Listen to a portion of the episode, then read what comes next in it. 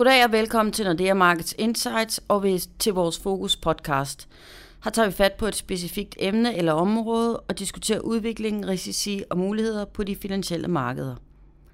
Jeg hedder Karina Larsen, og i dag har jeg besøg af chefanalytiker Johnny Jacobsen. Velkommen Johnny. Tak for det. Du er vores USA- og Fed-ekspert, og vi zoomer netop i dag ind på udviklingen i USA – Uh, vi tager temperaturen på økonomien, præsidentvalget, Feds næste træk og meget mere. Hvis vi lægger ud med Fed, så er der rentemøde i den amerikanske centralbank i næste uge. Hvor stor er chancen, eller risikoen, chancen for, at de sætter renten op? Jamen, jeg tror ikke, den er så stor øh, længere. Øh, jeg var lidt mere bekymret, om man så må sige, for øh, et par uger siden. Og det så man også afspejle i markedet. På det tidspunkt indprisede markedet en sandsynlighed på 40% for en renteforhøjelse i næste uge. Øh, og det er, allerede, det er faldet tilbage, øh, så de priser en sandsynlighed i omegn af 20 procent øh, okay. nu. Og øh, når det har ændret sig, så hænger det blandt andet sammen med, at vi har fået nogle, nogle svære nøgletal, øh, nogle ISM-tal, der viser, at øh, specielt øh, industrien er faldet tilbage, øh, rent aktivitetsmæssigt, og, og sektoren nu skrumper igen, øh, er der noget, der kunne tyde på. Og også servicesektoren har vist nogle, øh, at der kommer nogle negative tal fra. Og dertil kommer der så øh, nogle signaler fra øh, forskellige folk i, i den amerikanske centralbank. Øh, senest i går aftes. Øh, Governor Brainerd, som er en af de, øh, de tunge mm-hmm. øh, folk i Fed, der er ude og sådan øh, nedtone forventningerne til øh, renteforholdelser fra Fed sådan lige med det samme. Okay. Øh, og det så vi også øh, aktiemarkederne kvitterer for, altså de her dueagtige signaler fra, fra Fed'en.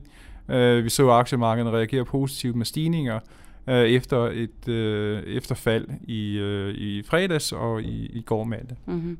Så man var ude og tale om de der jobtal, der kom ud, at det var en teknikalitet, at de var så dårlige, men det, det var altså sløjt.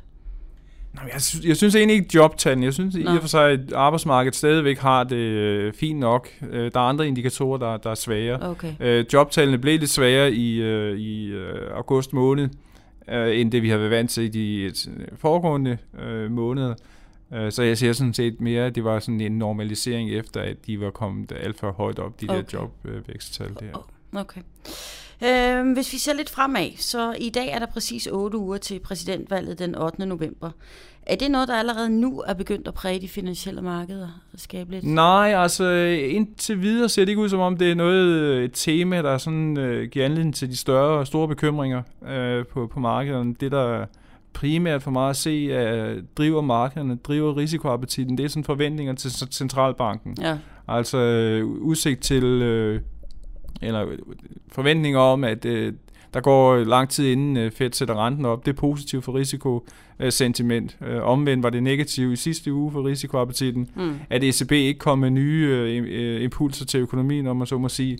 Ja. så, det, så det, det er et vidnesbyrd om, at det risikoappetitten er styret af forventninger til centralbank, centralbankernes øh, gørende og laden, og det er egentlig en, en varsel om, at vi måske kan gå noget uro i møde uh, senere i år, hvor jeg stadigvæk forventer, at Fed kommer med en renteforholdelse. Ja, så, det, så det er en ting, vi, vi skal holde øje med, og det er en anden faktor, så, som kan komme til at præge risikoappetitten, uh, når vi kommer tættere på, på uh, den 8. november, det er netop uh, valget. Uh, hvem, hvem vinder? Er det, er det Clinton, eller er det, det Trump? Mm-hmm. Lige nu viser meningsmålingerne uh, stadigvæk et forspring til, til Clinton over for, for Trump øh, generelt set, men det, det forspring er skrumpet øh, ret markant øh, her i, for, øh, i begyndelsen af august. Ikke? Der er en, en, et forspring på i omegnet 8% i gennemsnit, øh, viste meningsmålingerne til, til Clinton på det tidspunkt.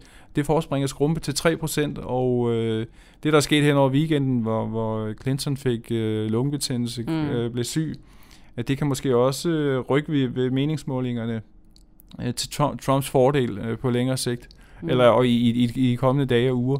Øh, og øh, det kan måske være en af, øh, det der, en af de faktorer, der gør, at markederne begynder at få lidt mere fokus på det ja. her. Fordi for mig ser der god grund til at være lidt bekymret for risikoen for, at, at Trump går hen og vinder valget. Ja, fordi altså, man kan sige, at vi står med, med nok med historiens to mest upopulære kandidater, eller upopulære kandidater. Øhm, men altså, som du siger, hvis Trump vinder valget, altså vil det gøre en stor forskel? Vil markederne reagere sådan med hæftig volatilitet, og, eller er bekymringen stærkt overdrevet? Altså, Nej, men altså jeg, jeg tror, der er god grund til at øh, tro på, at øh, hvis øh, Trump vinder valget, så bliver han, øh, så nedtoner han retorikken og bliver øh, mindre øh, rabiat ja, for han kan ikke bare gøre, hvad han... Altså, Nej, og så er der så yderligere det, at øh, der er en, en kongres, øh, som han ikke kan komme ja. udenom, så han, der, der øh, begrænsninger på, hvad han kan gennemføre af sit program. Øh, uden om, om øh, kongressen. Men de områder, hvor han faktisk har nogle muligheder, den amerikanske præsident har nogle muligheder, det er netop på, på det handelspolitiske område, hvor han har haft nogle meget, meget skarpe holdninger. Okay. Altså han har truet med, med at pålægge øh, 12 på øh, varer fra Kina og Mexico, henholdsvis 45 øh, procent og 35 procent øh, over for de to lande. Øh, og øh, hvis han gør alvor af det, og det kan han som sagt gennemføre, øh, uden øh, at spørge om lov, om man så må sige, i kongressen, øh, jamen så kan det være øh, det første skridt til en egentlig global handelskrig. Mm-hmm. Øh, og hvis det øh, bliver en, en bekymring for de finansielle markeder, ja. så er det risk-off, ja. og så er det, det sell-off i hvad her det, øh, aktier og øh, flugt i hvert fald i første omgang ind i mere sikre aktiver. Mm-hmm. Er der noget, hvordan står han i relation til Fed? Øh, kan han gå ind der, man har talt noget om, at de skulle, øh, det skulle ikke være politisk styret, eller skulle være... Ja, og det, det er en anden øh, en ting, man skal være opmærksom på med, med, med Trump. Hvis han vinder det hvide hus, så vil der også opstå mere usikkerhed om, øh, om pengepolitikken fra, ja. fremadrettet. Øh, han har blandt andet sagt, at han øh, ikke vil forlænge øh, Janet Yellens periode som centralbankchef, når den udløber øh, i begyndelsen af 2018. Øh, og hans begrundelse er, at øh, hun ikke er republikaner. Mm-hmm. Og en sådan formulering er jo i sig selv et vidnesbyrd om, at øh, man kunne frygte en mere politisk øh, indblanding i øh, central, øh, centralbankens øh, beslutninger.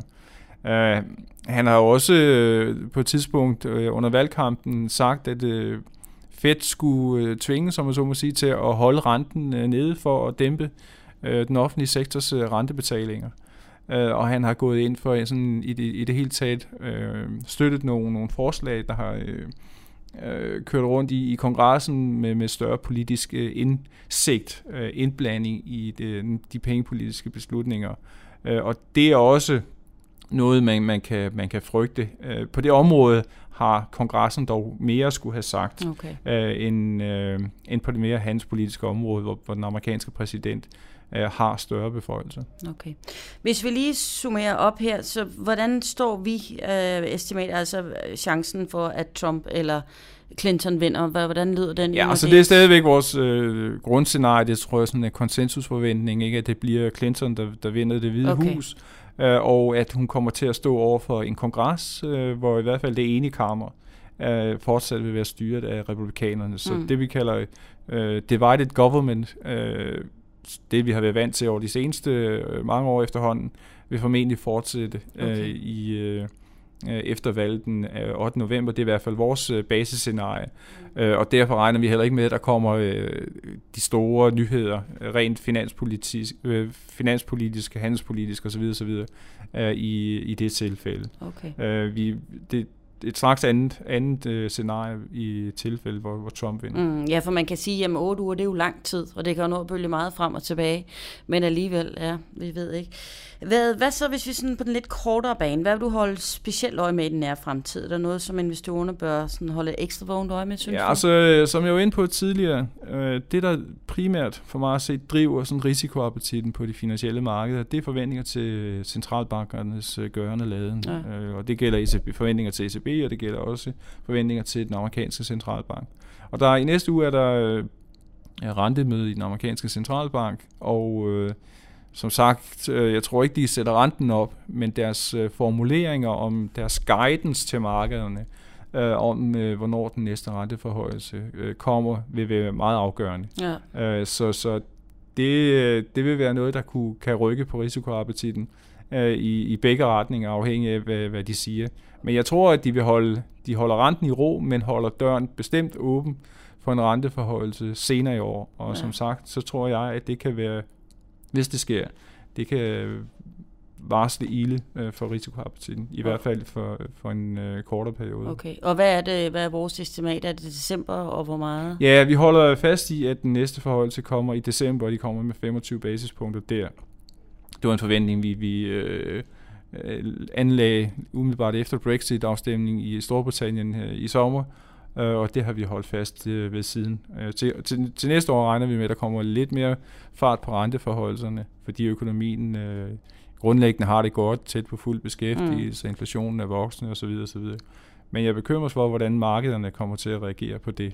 Øh, og hvis de reagerer negativt ikke med, med aktierne, der, der falder, og vi kan få, må, måske også få en, en kraftig styrkelse af dollaren, ja, så kan det sagtens igen uh, tvinge Fed til at, at sætte tempoet for renteforholdelserne ned, præcis som det vi har set i år.